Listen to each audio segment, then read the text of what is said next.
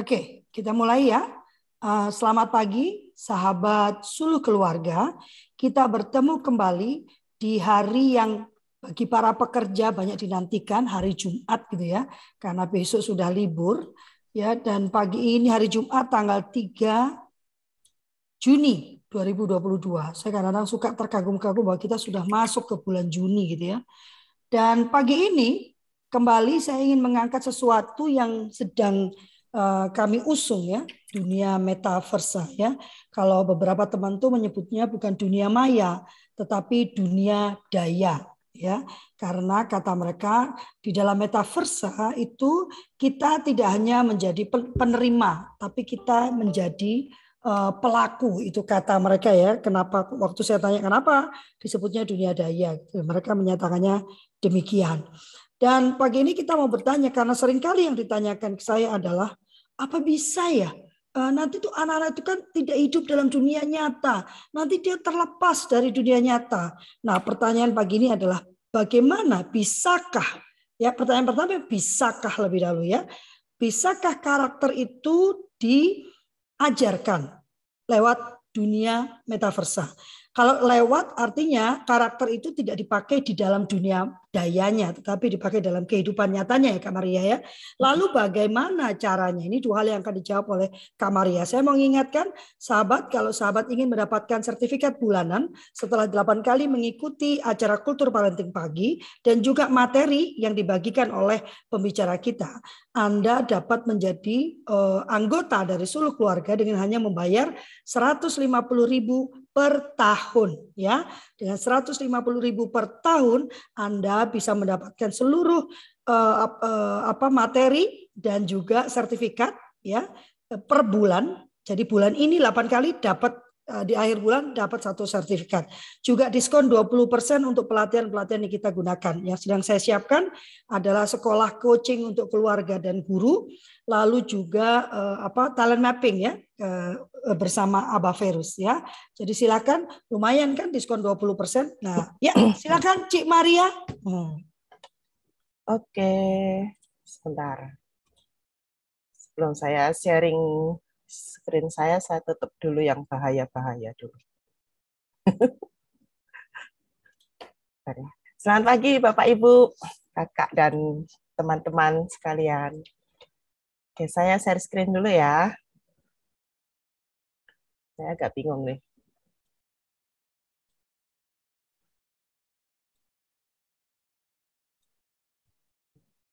Sebentar ya. Oke, sudah bisa lihat ya uh, screen saya? Bisa. Bisa. Oke, sip.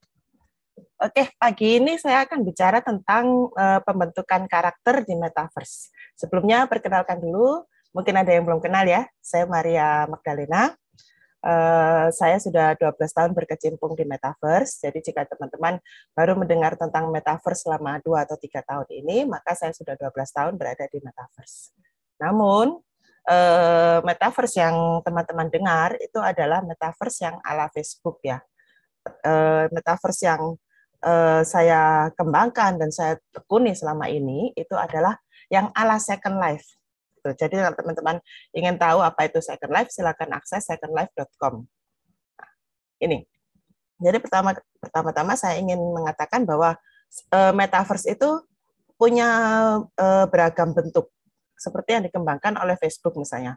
Dia cuma menampilkan dari perut ke atas. Sedangkan yang ditampilkan oleh Second Life, oleh metaverse yang digunakan Second Life, dan sekarang digunakan oleh Suluh Bangsa Mulia, itu adalah avatar yang utuh dari atas sampai ke bawah.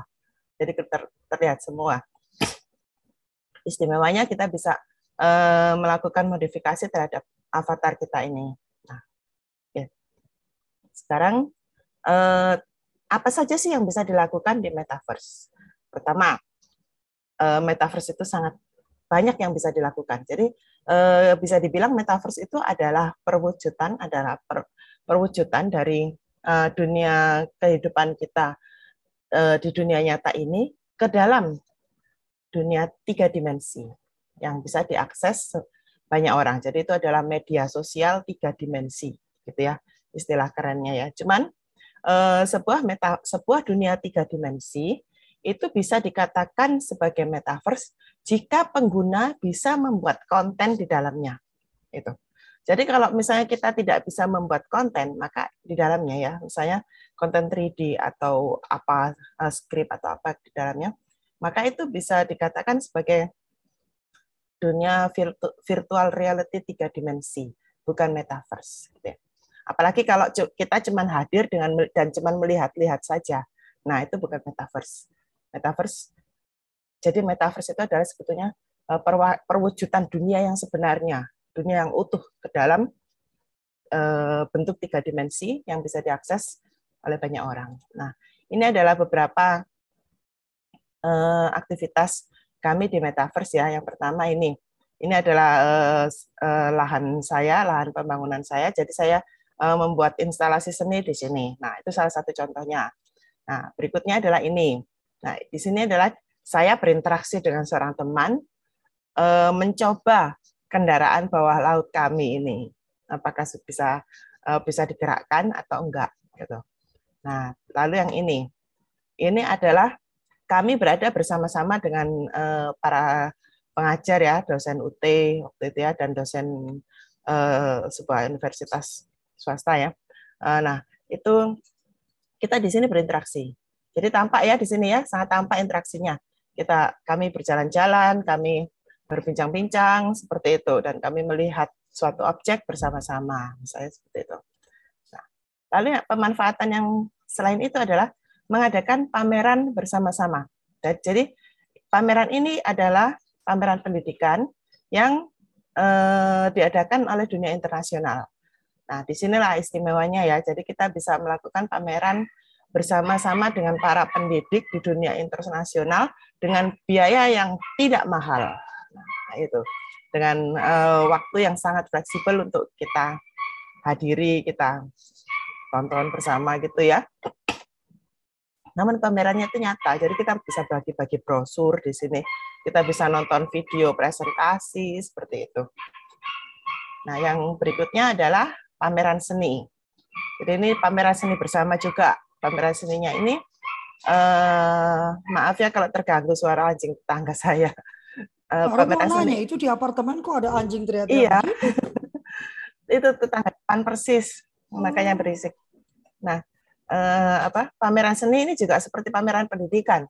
Jadi bisa dilakukan oleh orang dari mana pun ya. Nah, selain ini tentu saja ada uh, aktivitas lain yang bisa dilakukan bersama yaitu main games seperti yang dilakukan anak-anak kita pada uh, Roblox, Minecraft. Nah, Roblox dan Minecraft itu adalah metaverse. Ya, di sana uh, para pengguna bisa membangun kan, bisa buat sesuatu. Mereka bisa berinteraksi dengan pengguna lain, ya kan? Nah, bentuknya bentuk avatarnya beda lagi kan? Di situ bentuk avatarnya kotak-kotak gitu kan. Nah, beda lagi dengan yang di sini. Seperti yang ini ya, teman-teman lihat ya. Nah, ini bentuknya bentuk avatarnya uh, manusia yang utuh gitu ya. Kalau Roblox beda lagi, Minecraft beda lagi. Nah, oke, saya tutup dulu yang ini. Saya akan lanjut ke presentasi berikutnya. Oke.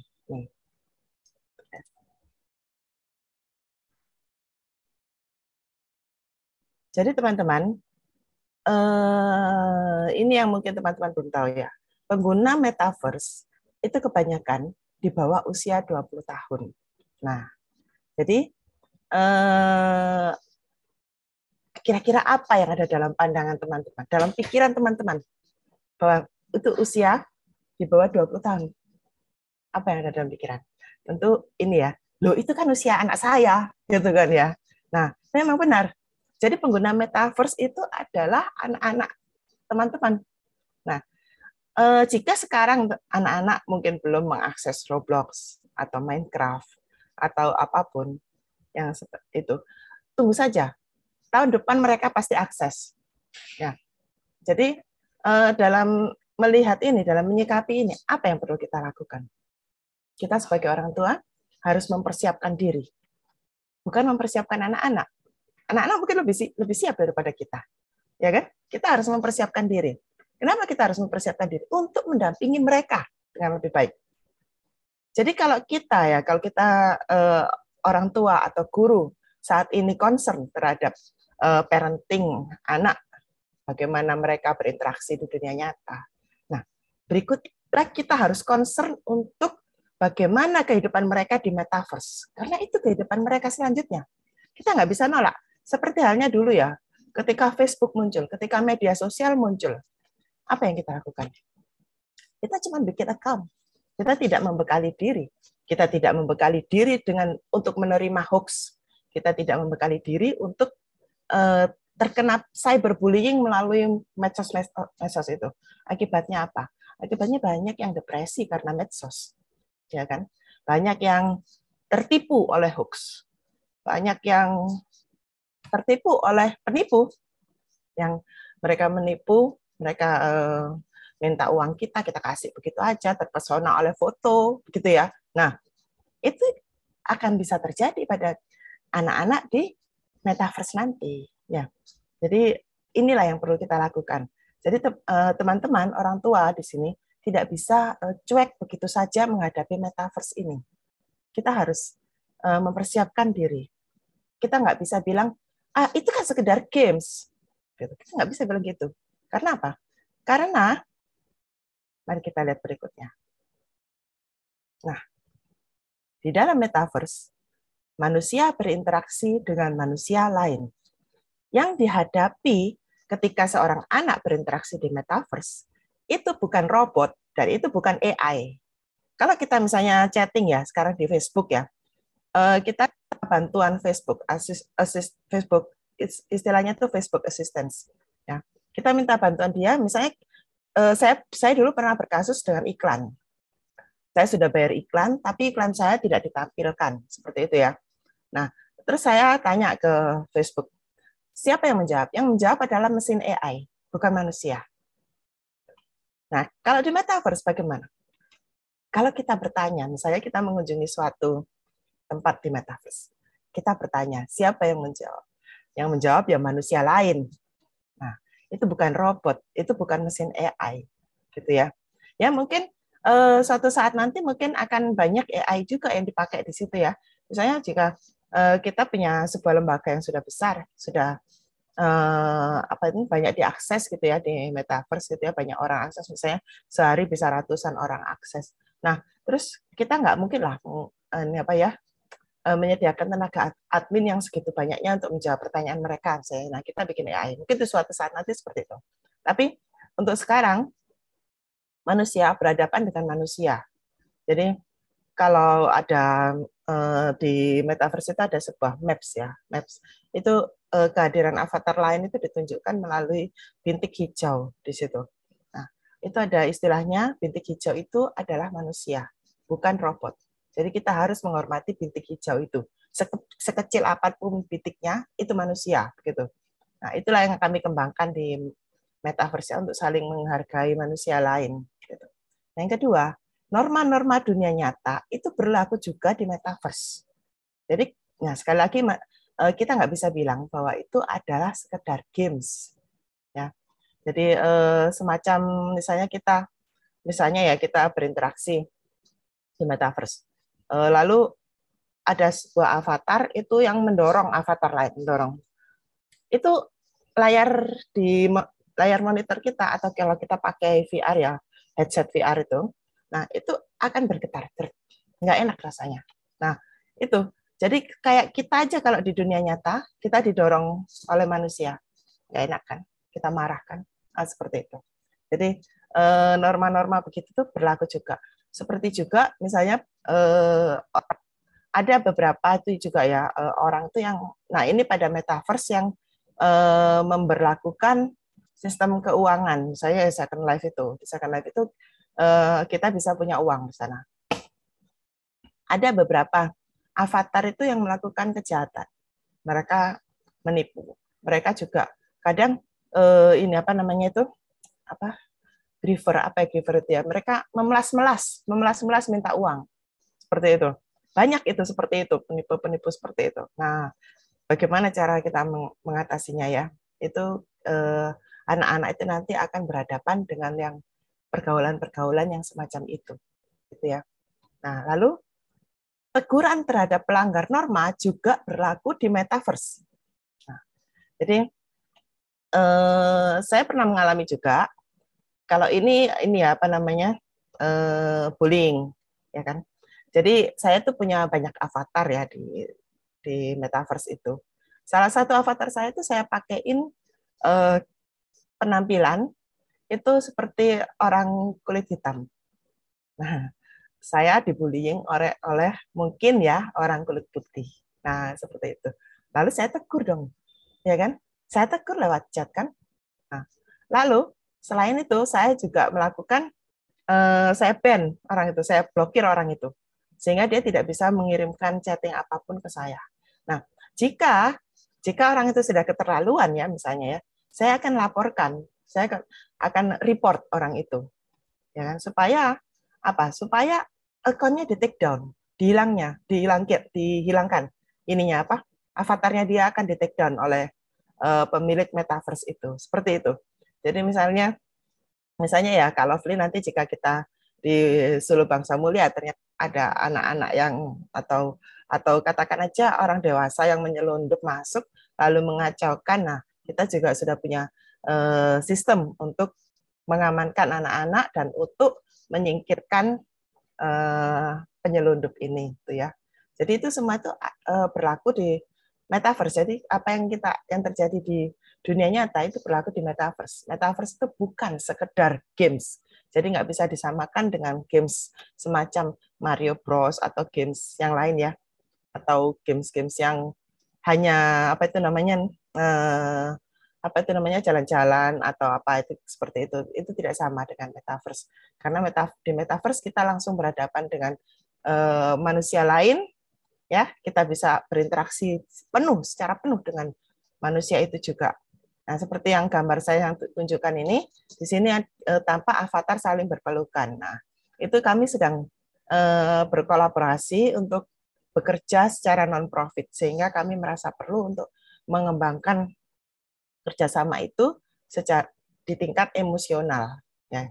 Sehingga kami bisa memiliki keterikatan secara emosional seperti itu. Nah itulah yang eh, apa itu saya katakan bahwa metaverse itu sebetulnya adalah perwujudan dari dunia nyata nah, lalu bahaya-bahaya interaksi di metaverse sama dengan dunia nyata seperti yang saya katakan tadi ya termasuk juga bullying cyberbullying semua itu ada nah, lalu penanganan akibat dari bahaya-bahaya itu juga sama. Jadi tetap memerlukan psikolog jika memang eh, ini apa eh, efeknya itu sudah sangat mendalam. Juga eh, membutuhkan eh, orang tua, kehadiran orang tua, membutuhkan kehadiran guru untuk mengat, untuk menangani semua ini, untuk menangani permasalahan anak di metaverse. Dan itu sebabnya orang tua dan guru juga psikolog itu eh, perlu memiliki, perlu mengetahui metaverse itu apa, metaverse itu benda apa ya.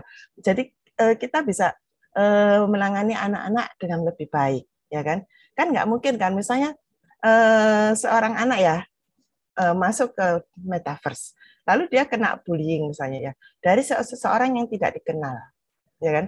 Nah kalau misalnya kita di sekolah biasa aja ya, di sekolah di dunia nyata ya, eh, di sekolah dua anak ya, satu jadi saya satu yang dibullying, satu jadi pembulinya misalnya. Kita bisa aja merangkul mereka, ayo kita ayo kita selesaikan bersama seperti itu. Di metaverse itu tidak bisa. Kita nggak tahu siapa yang pelakunya, ya kan? Dan kalaupun kita tahu siapa pelakunya, kita mungkin tidak bisa menggapai dia. Jadi kita harus berinteraksi, kita harus benar-benar hanya konsen pada si korban, pada anak kita, pada murid kita, seperti itu. Ya. Lalu, eh, apa yang bisa kita lakukan? Nah, arahan, pendampingan, dan bantuan, gitu ya. Nah, di sini makanya apa? Kita eh, banyak bicara tentang metaverse. Saya ya banyak bicara tentang metaverse. Bagaimana itu supaya orang tua bisa mengetahui arahan seperti apa yang dibutuhkan apa oleh anak. Arahan seperti apa yang dibutuhkan oleh anak dalam menghadapi metaverse pendampingan seperti apa yang dibutuhkan oleh anak dan bantuan seperti apa yang dibutuhkan oleh anak. Ini penting untuk kita ketahui. Nah, eh, jika kita tidak tahu apa itu metaverse dan tidak mau tahu apa itu metaverse, eh, lalu kita hanya bilang, ah itu kan cuma game. Ah, nggak usah akses metaverse. Buat apa? Bahayanya banyak gitu. Itu nggak bisa kita lakukan seperti itu. Ya, karena itu dunia anak. Itu dunia yang akan mereka masuki. Bagaimanapun kita harus bersiap-siap, gitu kan? Seperti kita dulu, eh, akses media sosial. Nggak ada kita yang mendampingi, ya kan? Kita nggak ada yang mendampingi. Eh, waktu itu kita masih muda ya. Saya ingat dulu saya punya akun Facebook itu sejak tahun 2008. Ya. Nah, pada waktu itu kan saya masih muda banget lah, itu 12 sekitar 14 tahun lalu kan ya. Nah, eh, saya sama sekali nggak tahu. Saya cuma tahunya bikin status, like status orang apa. Nah, pada perkembangan berikutnya ada hoax, ada penipuan, ada eh, apa spamming seperti itu ya kan. Nah, itu juga yang akan dialami oleh anak-anak kita. Jadi mari kita bercermin pada kita dulu ketika pertama kali memakai medsos bagaimana. Itulah yang akan terjadi ya. Nah, metaverse itu bukan dunia bohong-bohongan. Kalau kita melihat itu sebagai dunia 3D, sebagai eh, apa dunia yang seperti film, film 3D, itu eh, apa? Itu pandangan yang mungkin agak keliru ya, ag agak harus diluruskan. Karena yang interaksi di dalamnya itu adalah manusia sebenarnya dan bukan manusia yang dibuat berdasarkan drama, berdasarkan skenario uh, film, berdasarkan skenario drama, bukan. Kita berinteraksi dengan apa adanya kita. Ya, memang ada sih ya orang-orang yang drama itu memang ada. Mereka uh, apa memainkan dramanya sebagai orang yang malang, sebagai orang yang uh, kadang ada sebagai orang yang uh, kaya banget seperti itu ya. Ada orang yang memainkan drama sebagai orang yang pemberani dengan fisik yang kuat, misalnya seperti itu. Tapi mereka tetap adalah manusia. Ya, seba, sebaik apa pun drama yang mereka mainkan, mereka adalah itu.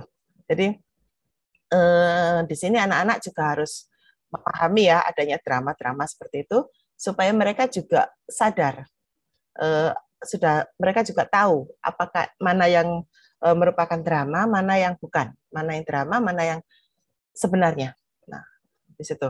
Lalu metaverse adalah representasi dunia yang sebenarnya dihadirkan melalui komputer dan internet. Ya. Metaverse adalah gaya hidup masa depan, tak bisa dihindari. Seperti yang tadi saya katakan, medsos. Atau yang dulu lagi, yaitu dunia website, dunia apa? Itu tidak bisa dihindari kan? Bahkan sekarang itu jadi kebutuhan utama kita. Kebutuhan utama untuk googling, search, apa pun yang kita butuhkan, informasi apa pun yang kita butuhkan. Ya. Jadi itu itulah metaverse nantinya ya. Nah ini metaverse itu menarik bagi anak dan dun jadi dunia mereka. Kok bisa? Ya memang mereka itu dunia mereka. Jadi yang dihadapi anak-anak sekarang itu adalah dunia 3D. Mereka nge-games pakai dunia 3D. Mereka belajar pakai dunia 3D. Ya kan? Sekarang kan sudah banyak itu eh, apa di YouTube aja ya eh, materi-materi pelajaran disajikan dalam 3D. Ya kan dalam eh, seperti film 3D seperti itu. Lalu mereka juga main Roblox, mereka main meta, Minecraft, ya kan? Seperti itu. Ini arahnya juga semakin ke 3D 3D semua ini, ya kan?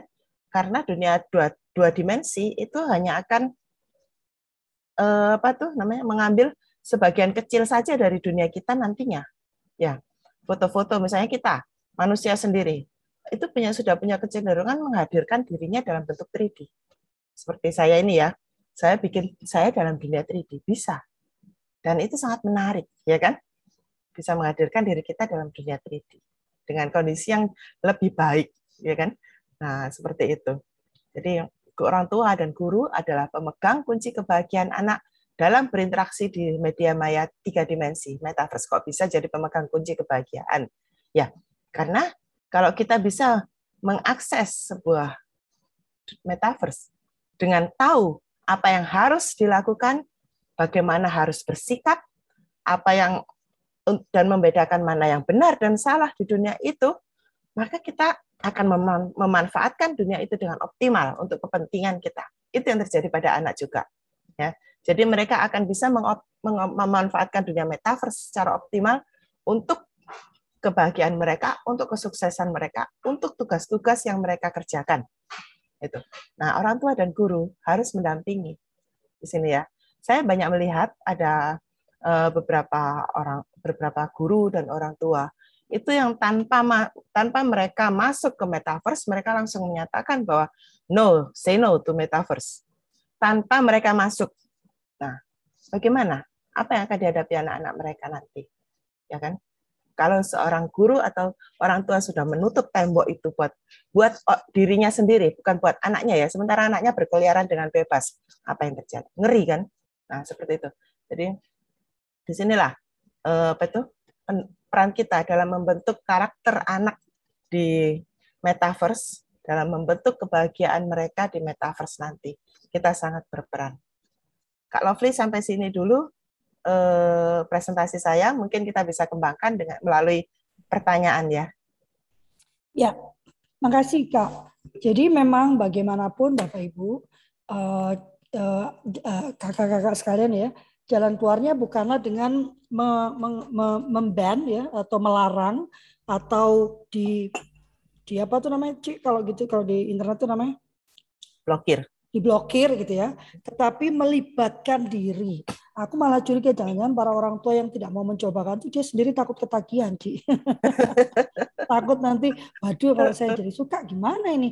Ya, apakah ada teman-teman yang yang mau bertanya terkait dengan bagaimana uh, uh, apa uh, uh, uh, membangun karakter di dalam metaversa? Karena seperti tadi disampaikan Cik Maria, Sebetulnya anak-anak kita itu sudah ada di dalam metaversa. Sayangnya eh, karena kiblat kita sangat ke Facebook dan Instagram, sehingga kita membayangkan metaversa seperti yang mereka rencanakan. Ingat ya, mereka masih merencanakan, ya. Eh, tapi kita sudah ber, ber, berkiblat ke perencanaan dan melupakan yang sebetulnya sudah terjadi di dalam dunia kita. Dan hari ini Sulu Bangsa Mulia terus mengembangkan diri. Kami akan mulai beroperasi di bulan Juli ya, Cimaria ya, ya. Uh, uh, dalam nama Tuhan ya, uh, dan uh, dan mendedikasikan diri hanya untuk kepentingan pendidikan gitu. Jadi tidak akan dipakai untuk jual-jual uh, tanah ya. Memang uh, pada bagi mereka yang uh, hendak menggunakan uh, apa ruang kami ya jelas ada biaya pernyawaan ya. Nanti dibilang katanya nggak untuk jual-jual kalau free, tapi ya saya mau pakai situ pakai sewa-sewa gitu ya. Tadi protes lagi ya. Adakah yang mau uh, bertanya? Ini ada Pak Karusmin, Pak Suwato, Kak Ika, Pak Fatahudin, Kak Dwita, Kak Emma, Kak Lili, Kak Isti. Ini ada 20 orang. Hai Kak Vivi, Kak Titin, Kak Harsiti, Kak Sofyan, Kak Ambar, Kak Ahmad Hamdani. Hai Kak Ahmad, apa kabar? Masalah Kak Ahmad ini yang bikin ini ya, uh, uh, homeschooling santren ya, benar nggak? Kak Rini Komalasari dan Kak Feisi, dan ini ada Kak Supiani baru masuk. Apakah ada yang bertanya terkait dengan metaversa? Atau jangan-jangan masih ada yang bingung metaversa itu apa sih sebetulnya? Ya, bagaimana metaversa itu? Bagaimana teman-teman? Ini ada nggak sih? Halo, ini saya Kak yang ini. Ya, silakan Kak Lili. Tapi tak tutup ya, karena ya. sambil membersihkan rumah. Tapi ini saya berhenti dulu. Jadi mau masih belum ada ininya asistennya? I, uh, itu ada ada ada sedikit karena kami pelihara bubu jadi nggak jadi gitu loh. Oh. iya. Oke. Okay. Uh, Cik Maria, saya itu salah satu yang kepingin mendalami meta metaverse ini, tapi kan bingung gitu loh, bingung karena mungkin uh, dunia saya sudah beda dengan anak-anak muda sekarang. Saya membayangkan saya membayangkan itu caranya masuk gimana, terus nanti sampai di sana itu berinteraksi dengan orang-orang tuh apakah sama dengan ketika saya dengan Instagram atau Facebook. Facebook kan like-like, nggak saya jarang komen sih kalau misalnya saya suka apa gitu ya saya hanya lihat. Tapi di Instagram kan kadang-kadang ada teman ya saya like. Apakah seperti itu Ci Maria? Terus kemudian kalau kita mau karakter anak, karakter anak ada beberapa anak-anak asuh dan anak-anak sekolah minggu saya tanya anak-anak sudah tahu metaverse? Enggak tahu tante. Lo kamu sudah kelas 3 SMA enggak tahu metaverse.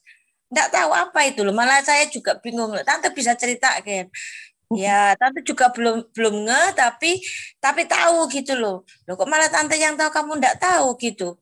Iya, enggak tahu. Di sekolahmu enggak diajarin apa gurumu komputer enggak ngajarin? Enggak. Jadi gitu, Ci. Jadi yang saya mau tanyakan itu saya sebagai pendidik, sebagai orang tua itu pertama itu caranya masuk tuh gimana? Caranya masuk di metaverse itu gimana? Lalu di sana itu saya ngapain? Oh, saya dengar-dengar orang bisa beli tanah dan lain-lain walaupun tanah itu fiktif gitu loh, maksudnya enggak enggak, enggak nyata. Nah, membayangkan dengan dunia nyata itu gimana? Terima kasih ya Cik Maria, Tuhan berkati. Sehat selalu, Cik. Oke, terima kasih. Sehat-sehat juga ya Bu Lili. Oke, gini Eh, pertama, eh, kita membutuhkan yang namanya viewer. Kalau eh, Sulu Bangsa Mulia itu kita pakai Fire Firestorm ya, viewer Firestorm namanya. Nah kalau Second Life sendiri mereka mengembangkan viewernya sendiri, tapi pakai uh, Firestorm juga bisa. Nah itu seperti uh, software ya, seperti software atau aplikasi, gitu ya. Bukan aplikasi HP ya, karena sekarang software pun di software komputer pun ada yang bilang itu adalah aplikasi, bukan software lagi. Jadi di sini saya hanya menyesuaikan istilah saja. Jadi jadi itu eh, apa? Memang ada aplikasinya itu memang ada, cuman nggak nyaman, sangat nggak nyaman pakai aplikasi di HP itu sangat nggak nyaman. Itu cuman untuk eh, apa nih ya? Eh, apa itu namanya? chatting, chatting aja. Jadi misalnya kalau saya ya saya saya kan sudah berbisnis di metaverse ya metaverse karena saya sudah berbisnis maka saya perlu eh, aplikasi di HP itu perlu karena untuk menjawab chatting itu aja. Tapi kalau untuk interaksi masuk-masuk ke dunianya, menikmati dunianya itu sangat nggak nyaman. Nah, lalu eh, kita install yang namanya Firestorm itu di di komputer kita. Nah, terus eh, kita mendaftarkan account seperti biasa ya. Lalu kita masuk, kita login di Firestorm itu. Nah, lalu setelah kita masuk ke sana, avatar kita akan melihat avatar kita langsung seret gitu. Kita akan melihat avatar kita. Ya mungkin kalau kita baru masuk akan berupa asap dulu ya karena mereka harus loading dunia sekitarnya tuh semuanya dan itu sangat berat. Tapi nanti setelah uh, setelah proses-proses berikutnya dia akan langsung tak muncul si avatar ini. Nah berbeda dengan uh, Facebook dan uh, Instagram seperti itu berbeda sekali. Jadi kita masuk kita akan bertemu dengan avatar lain. Mereka akan langsung ngajak kita bicara, mungkin ya. Mereka akan bicara menyapa kita. Hai gitu.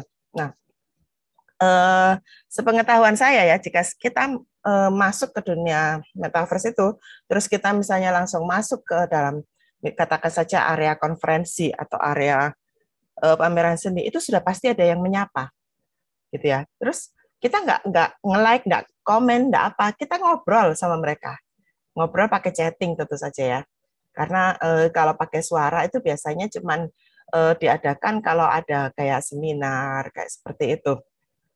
Tapi kalau ketemu harian itu hanya lewat chatting. Nah, jadi e, kita langsung ngobrol sama dia lewat chatting gitu ya. Kenal nggak kenal itu kita ngobrol langsung. Nah, dari situ eh, apa itu namanya interaksi sudah terjadi kan Bagaimana kita berinteraksi itu sudah langsung tampak dari pertama kita masuk. Jadi berbeda dengan sangat berbeda dengan Facebook dan IG dan LinkedIn katakan seperti itu ya. Nah, lalu eh, jika eh, siswanya Bu Lili ini ternyata nggak tahu apa itu metaverse, itu mungkin mereka hanya tidak kenal kata metaverse. Tapi coba ditanya, main Roblox nggak? Tahu Minecraft nggak? Nah, mereka pasti akan bilang, ya, main itu, main itu. Nah, ya itu itu metaverse, Bu. Lalu tanya lagi, main Second Life enggak? Nah, coba tanya tanya aja. Nah, kalau mereka bilang iya main, nah itu metaverse, gitu Bu. Jadi mereka hanya ya, tidak nah, mereka sudah masuk. iya, jadi mereka hanya tidak mengenal istilah metaverse itu. Kenapa? E, karena mereka mungkin tidak terjun dalam dunia kripto seperti itu ya Bu ya. Karena sekarang ini sebagian besar yang mengenal istilah metaverse itu adalah eh, memang orang adalah yang golongan yang pertama itu memang orang yang sudah berkecimpung di dalamnya seperti saya. Jadi kita sering eh, apa berdiskusi dengan orang lain ya. Atau mereka yang berkecimpung di dunia kripto. cryptocurrency maksud saya ya. Karena mereka punya kepentingan NFT di balik metaverse itu. Lalu soal tanah dan lain-lain, pembelian tanah dan lain-lain. Nah, ini adalah produk digital. Jadi tanah, bajunya avatar, eh, lukisan-lukisan, dekorasi rumah, rumah dan lain-lain itu adalah semua produk digital. Tapi di situ eh, seseorang membangun ini ya, membangun apa? Aktualisasi dirinya melalui pemilik kepemilikan barang-barang itu. Nah, kan mereka bisa pamer ke teman-temannya. Ini aku punya gini, ya kan? Seperti juga di Roblox atau Minecraft ya kan. Mereka uh, membangun ya istilahnya mereka tuh building, membangun apa? Membangun pohon, membangun castle misalnya ya dari pakai Minecraft itu pakai balok-baloknya Minecraft. Nah, mereka show off. Ini loh aku bisa bikin ini gitu ya kan. Terus ya macam-macam seperti itu ya. Lalu eh, tentang ya itulah. Jadi produk-produk digital ini fungsinya adalah aktualisasi diri. Jadi eh, kalau saya sendiri ya, misalnya saya lagi eh, apa ini ya namanya ingin memanjakan visual saya, tapi saya nggak ingin keluar rumah, misalnya, misalnya seperti pada waktu pandemi kemarin ya. Tapi, eh, kalau kita apa tuh nggak ada pandemi ya katakan itu, itu kan kita bisa ke pantai, ke keramaian, ke mall, itu kita memanjakan visual, ya kan, memanjakan mata, ya kan, untuk melihat yang tidak biasa kita lihat, untuk melihat eh, hal-hal yang menenangkan dan menyenangkan, ya kan. Nah, melalui metaverse Second Life, saya bisa melakukan itu. Jadi misalnya gini, saya punya sebuah lahan, sebuah area, sebuah tanah ya katakan saya bisa bikin apa pun di situ yang bisa memanjakan mata saya. Saya bisa bikin rumah yang bagus misalnya ya, atau rumah yang catnya khusus gitu ya, misalnya yang serba bersih, kelihatan bersih, atau yang serba kontras. Nah, itu saya seneng liatin gitu, itu saya seneng gitu ya, liatin. Jadi eh, apa tuh eh, pandangan kita tuh jadi eh, lebih tersenangkan dan bisa ditenangkan seperti itu fungsinya bu. Jadi seperti kita melihat foto-foto atau lukisan itu kan uh, ada perasaan tersendiri ya yang timbul dari di hati kita. Misalnya melihat abstrak, lukisan abstrak itu yang dominan warna merah katakan aja ya. Uh, apa ada gejolak semangat mungkin ya dari hati kita muncul seperti itu. Jadi uh, itu pengaruhnya ke visual ini. Nah, tapi ada juga penggunaan metaverse ini oleh uh, apa eh, orang-orang yang disable ya katakan aja. Misalnya mereka yang buta. Ada teman saya yang buta tuli juga ada ya kan di metaverse itu. Nah mereka memanfaatkan sebagian saja. Jadi eh, misalnya untuk eh, teman saya yang bisu tuli nih ya katakan ya dia itu seniman nah, dia memanfaatkan untuk memperkenalkan seninya ini apa lukisannya lukisannya ke ke dunia internasional yang jangkauannya lebih luas ya daripada jika dia hanya berpameran di galeri yang sifatnya lokal, lokal dan real life. Ya. Kan. Terus eh, teman saya yang buta itu juga ada yang jadi penyanyi. Nah mereka dia mengadakan konser, konser konser pribadi ya, konser pribadi di metaverse. Itu bisa. Jadi mereka nggak perlu ini, dia nggak perlu apa itu namanya membaca chatting. Itu nggak perlu kan dia. Jadi dia punya asisten, sistemnya itu dia punya asisten. Jika ada yang uh, chatting asisten ini yang bertugas membacakan ke dia. Begitu. Dan dia dia hanya menyanyi menyanyi saja. Gitu. Jadi uh, apa pemanfaatan metaverse itu sangat luas ya sudah terjawab pertanyaannya Bu Lili iya uh, yang saya ini lagi satu lagi Ci hmm? bagaimana cara saya memulainya maksudnya saya berarti harus apa cari fire tadi ya firestorm uh, gini uh, Bu Lili cari dulu mau mulai di mana, metaverse yang mana, gitu dulu. Kalau misalnya oh. uh, kalau misalnya Roblox saya pikir nggak perlu ini deh nggak perlu nggak perlu Firestorm ya ikuti ikuti aja di Roblox ya itu nanti ya bikin account oh. Lalu ikuti saja uh, eh, FAQ-nya bagaimana apakah ada viewer khusus yang harus diinstal atau enggak atau langsung pakai webnya itu bisa atau enggak itu seperti itu ada semua itu itu punya anak-anak maksudnya anak-anak asuh saya yang yang yang agak jauh rumahnya. Maksud saya saya pingin di laptop saya. Di oh. laptop saya itu caranya gimana, Ci? ya itu, pilih dulu. Uh, metaverse-nya pilih dulu mau masuk ke mana. Karena masing-masing metaverse ini memang punya aturan ya, aturan untuk masuknya gimana. Gitu. Jadi memang beda-beda. Itu tergantung platform yang dipakai. gitu. Oh ya ya mm. ya. Ya Ci, ya ya. ya seperti misalnya uh, Sulu Bahasa Mulia sendiri ya, kita membangunnya di private server sehingga kita harus pakai yang namanya Firestore. Kita nggak mau pakai web ya karena apa itu uh, nanti bisa diakses umum seperti itu ya dan masalah keamanan lah ya seperti itu. Iya, Ci. Ya. Intinya, ayo coba main gamenya. Ya, paling gampang main game ya. Roblox itu kan uh, nah, salah satu jenis game ya. ya. Nah, ini ada pertanyaan menarik nih, Ci. Dari Kak Duita oh. ya. Selamat oh. pagi kakak-kakak. Mohon maaf tutup kamera karena sambil di kantor. Mohon maaf saya jujur belum terlalu paham tentang metaverse. Cuma yang masih mengganjal secara mendasar, kita tahu bahwa perkembangan karakter anak kita saat ini sangat kurang sentuhan dan interaksi langsung baik dengan orang maupun alam.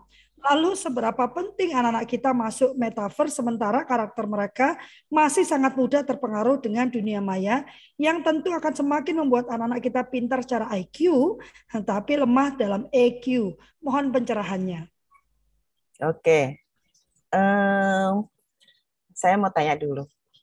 Pertanyaan seperti ini, apakah pernah ditanyakan pada pengguna Facebook atau pengguna Instagram? Pernah nggak? Nah, jawabannya mirip. Jawabannya mirip sama mereka ya. Eh, karena pada dasarnya metaverse itu adalah dunia yang tidak bisa dihindari oleh anak-anak. Ya, jadi kita sebagai orang tua memang berpikir bahwa itu nggak penting. Yang penting adalah mereka mengenal alam. Mereka berinteraksi dengan langsung dengan manusia. Ya, itu penting memang berinteraksi. Tapi berhubung ini adalah sebuah dunia yang tidak terelakkan lagi, kita terpaksa harus mendalami ini. Ya kan? Kita orang tua harus mendalami ini. Bukan bermaksud bahwa eh, lalu kita eh, mengajak anak-anak, ayo ayo masuk metaverse semua. Semua harus menghabiskan waktu di metaverse dengan Eh, lebih banyak daripada di alam. Bukan, maksudnya bukan seperti itu.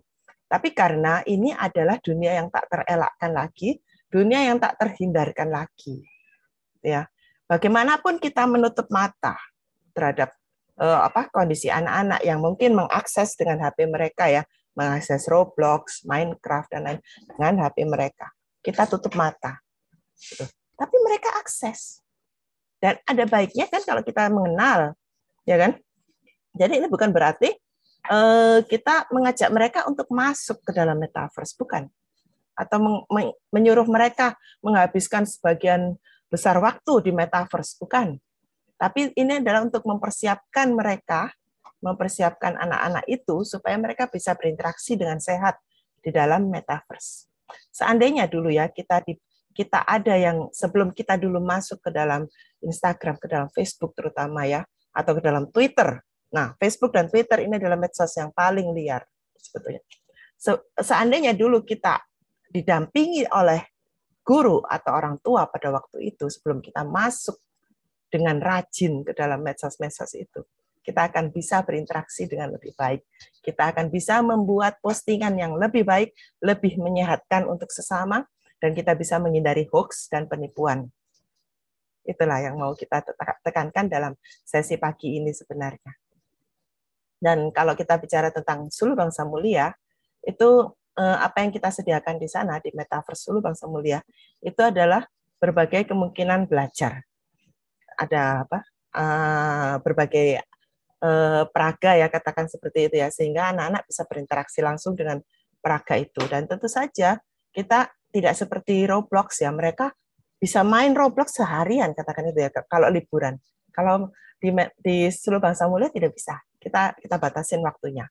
Ya kan? Ya begitu ya kak Lovely ya jadi eh, apa itu kita memandang marilah kita memandang metaverse ini sebagai suatu tools sebagai suatu alat untuk mencapai apa yang kita inginkan dan membekali anak supaya mereka bisa berinteraksi dengan baik.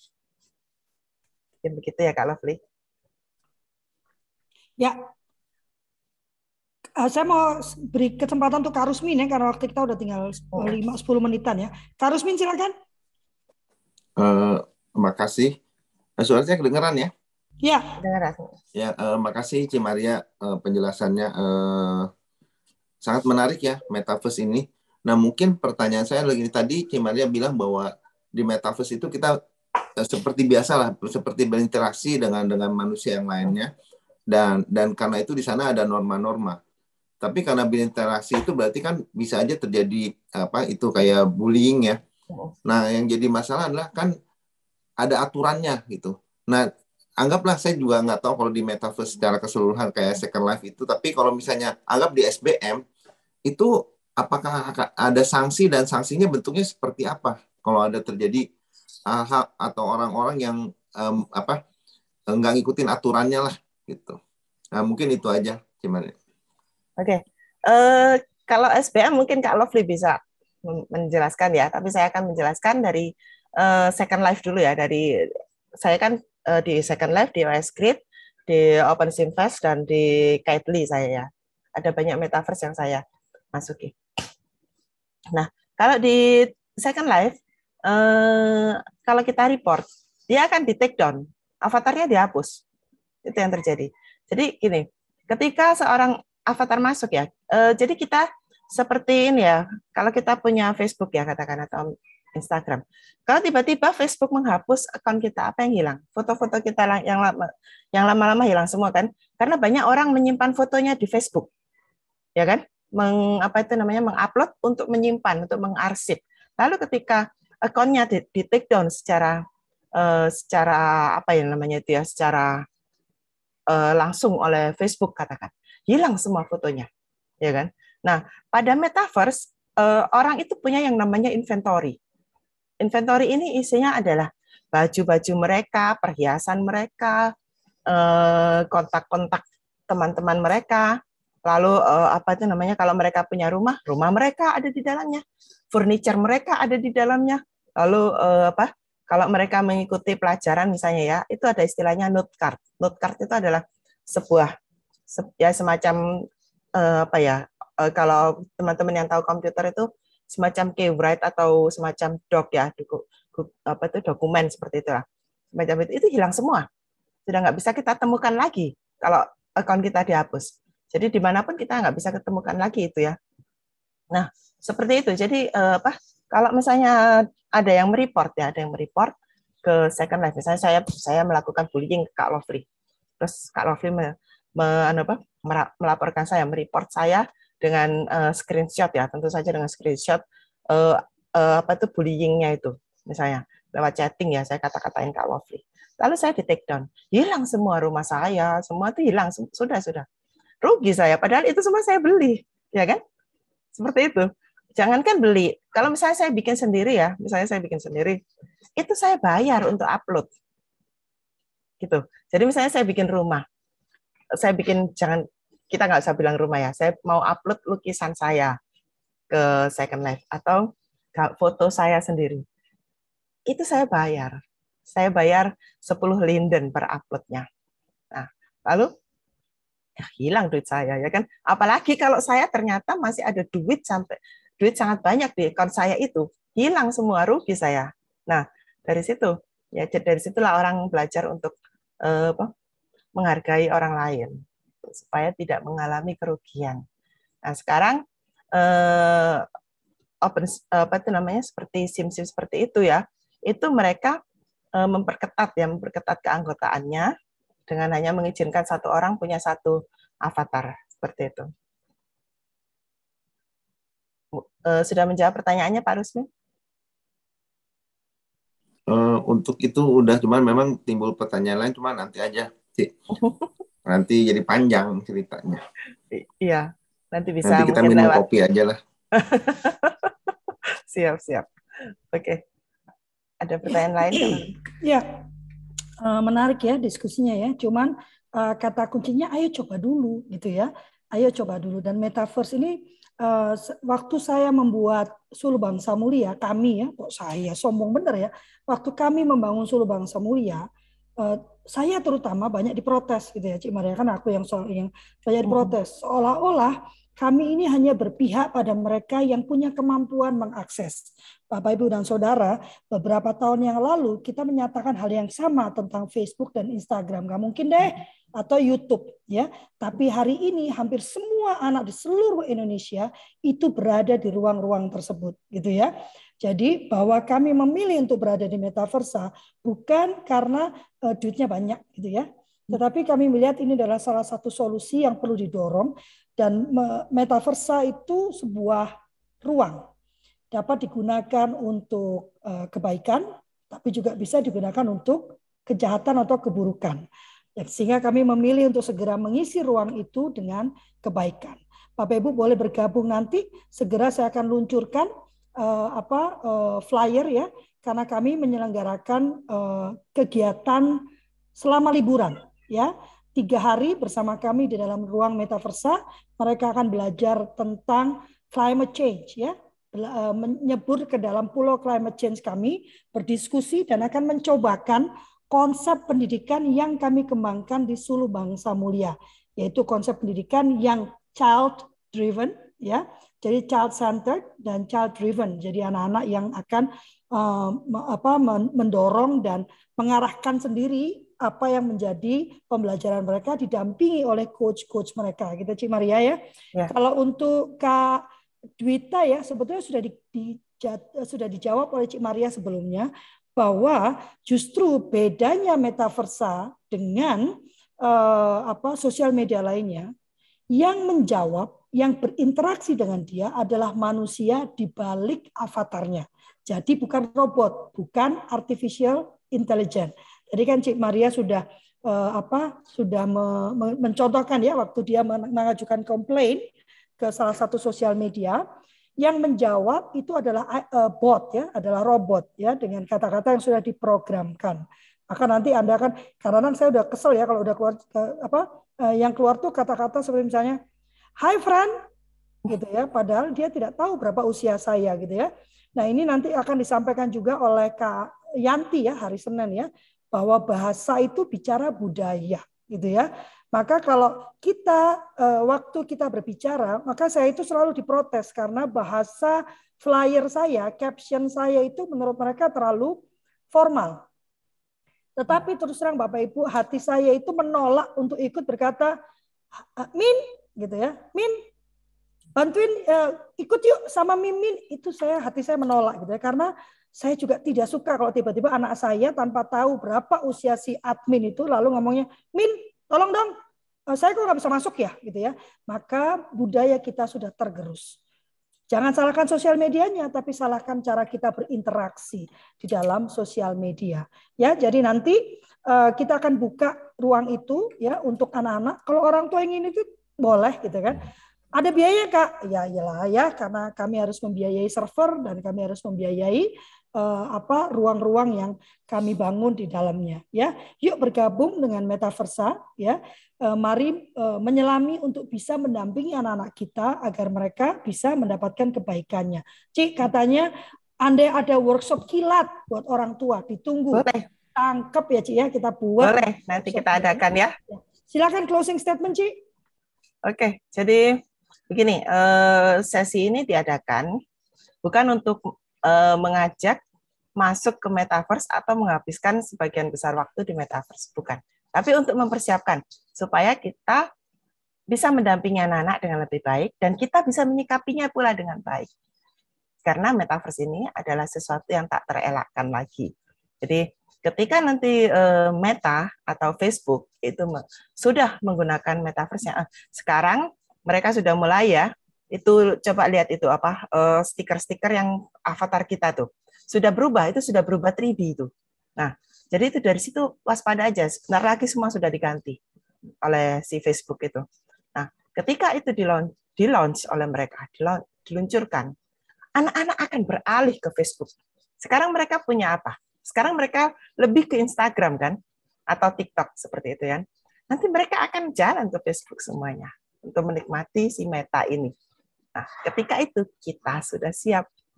Kita orang tua, pendidik sudah siap untuk mengarahkan mereka, mendampingi mereka dan memberikan bantuan jika mereka butuh. Jadi marilah kita membuka mata, tidak menutup mata untuk fenomena yang baru ini. Baca Kak Lovely. Ya, dan mari bergabung dengan, ya memang kalau yang salah su ribet ya. Mari bergabung dengan Sulu Bangsa Mulia ya. Kami sedang membangun pulau matematika nih dengan Kak Rusmin dan Pak dengan Pak Suwato ini ya. Dia punya konsep yang luar biasa. Kita akan wujudkan dalam metaverse sehingga anak-anak bermain dan benar-benar bermain ya Bapak Ibu ya di dalam metaverse itu eh, suasananya memang bermain tetapi dia memahami konsep-konsep matematika ya, konsep-konsep dasar matematika ya Pak Suwanto ya, bukan cuma bisa iya. mengerjakan soal, tetapi konsep dasar matematika. Dan saya sangat percaya apabila kita paham konsep dasar matematika, maka kita punya kehidupan yang beretika. Benar ya Pak Suwanto ya? Karena matematika bicara tentang logika. Orang-orang yang berlogika dia mengatur hidupnya, ya. Maka ayo eh, jangan mengarah pada penyelesaian soal yang cepat gitu ya tetapi arahkan anak-anak untuk memahami benar konsep-konsep matematika sehingga dia punya logika berpikir yang benar. Ya, nanti kita akan minta Pak Suwato untuk juga membagikan bulan depan ya Pak ya.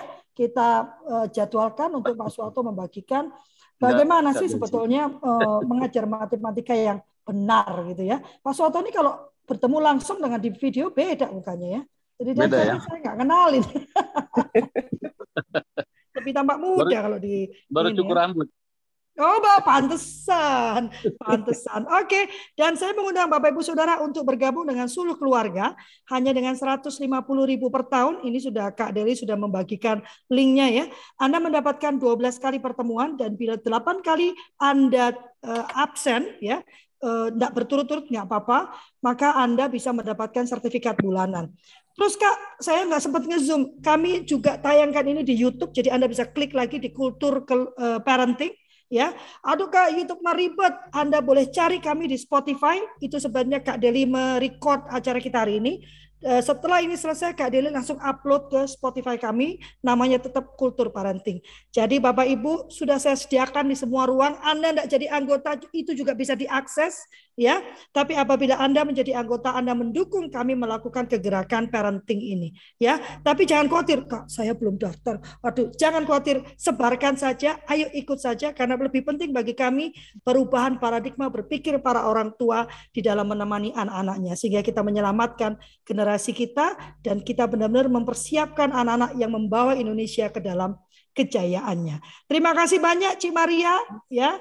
Eh, hari Senin kita akan bertemu dengan Kak uh, Teh Yanti ya. Teh Yanti sudah sudah confirm dan dia akan bicara tentang bahasa itu bicara budaya ya menarik sekali ya yang akan dia sampaikan dan uh, selamat berakhir pekan ini Jumat kan ya Jumat. Ini gara-gara kemarin libur saya jadi kayak rancu begitu loh jarinya ini ya. Selamat berakhir pekan dan kami mohon maaf yang sebesar-besarnya apabila ada pernyataan, perkata, perkataan, sikap atau gestur yang kurang berkenan. Kalau Anda masih sumpek dengan kata metaverse, masih banyak burning questionnya, silakan ajukan lewat WhatsApp saya gitu ya. Nanti saya akan coba bantu untuk menjawab atau boleh mendatangkan diri untuk mencobakan ya Cik Maria ya karena kita juga membuka dunia metaverse kita untuk dicobakan ya um, dan kami juga memohon maaf apabila karena kami tidak ingin menggurui menghakimi menyudutkan gitu ya. Kami hanya ingin membagikan apa yang menjadi uh, keyakinan kami ya. Sudah disampaikan tadi Cik Maria ada di metaverse sudah 12 tahun. Jadi dia percaya bahwa dunia ini bisa dijadikan aman ya. Bukan aman dunia ini tapi bisa dijadikan aman untuk anak-anak dan bermanfaat bagi anak-anak ya. Dan yang paling penting apa yang kami kerjakan di dalam kehidupan kami sehari-hari. Terima kasih. Wassalamualaikum warahmatullahi wabarakatuh. Eh belum berfoto ya Dea? Ayo berfoto dulu. Dede nggak ngingetin sih. Ayo kasih hatinya. Saya selalu lupa foto ya, gaya ya. Sebagai orang yang dituduh narsistik lupa foto melulu. Kemarin aja kita Pak Rusmi sama Pak Suatu kita lupa foto kan. Satu, dua, tiga. Eh, hatiku hilang. Eh, hatinya nggak mau hilang. Satu, dua, tiga. Dah. So imut aku. Oke. Okay. Wassalamualaikum warahmatullahi okay. wabarakatuh. Tuhan memberkati. Terima kasih. Pak Sofyan. Eh, sudah sibuk nih ya. Aku ditinggalkan nih ya. Enggak lah, mana mungkin lah gitu. Pak Sofyan, nanti lihat ini ya, lihat uh, apa? ya. Uh, ya acara liburan kami nanti uh, tawarkan ke anak-anakmu pasti mereka main game semua kan? Oke oke oke ya, biar bermanfaat ya. Oke, okay, terima kasih. Saya pamit. Terima kasih semuanya teman-teman.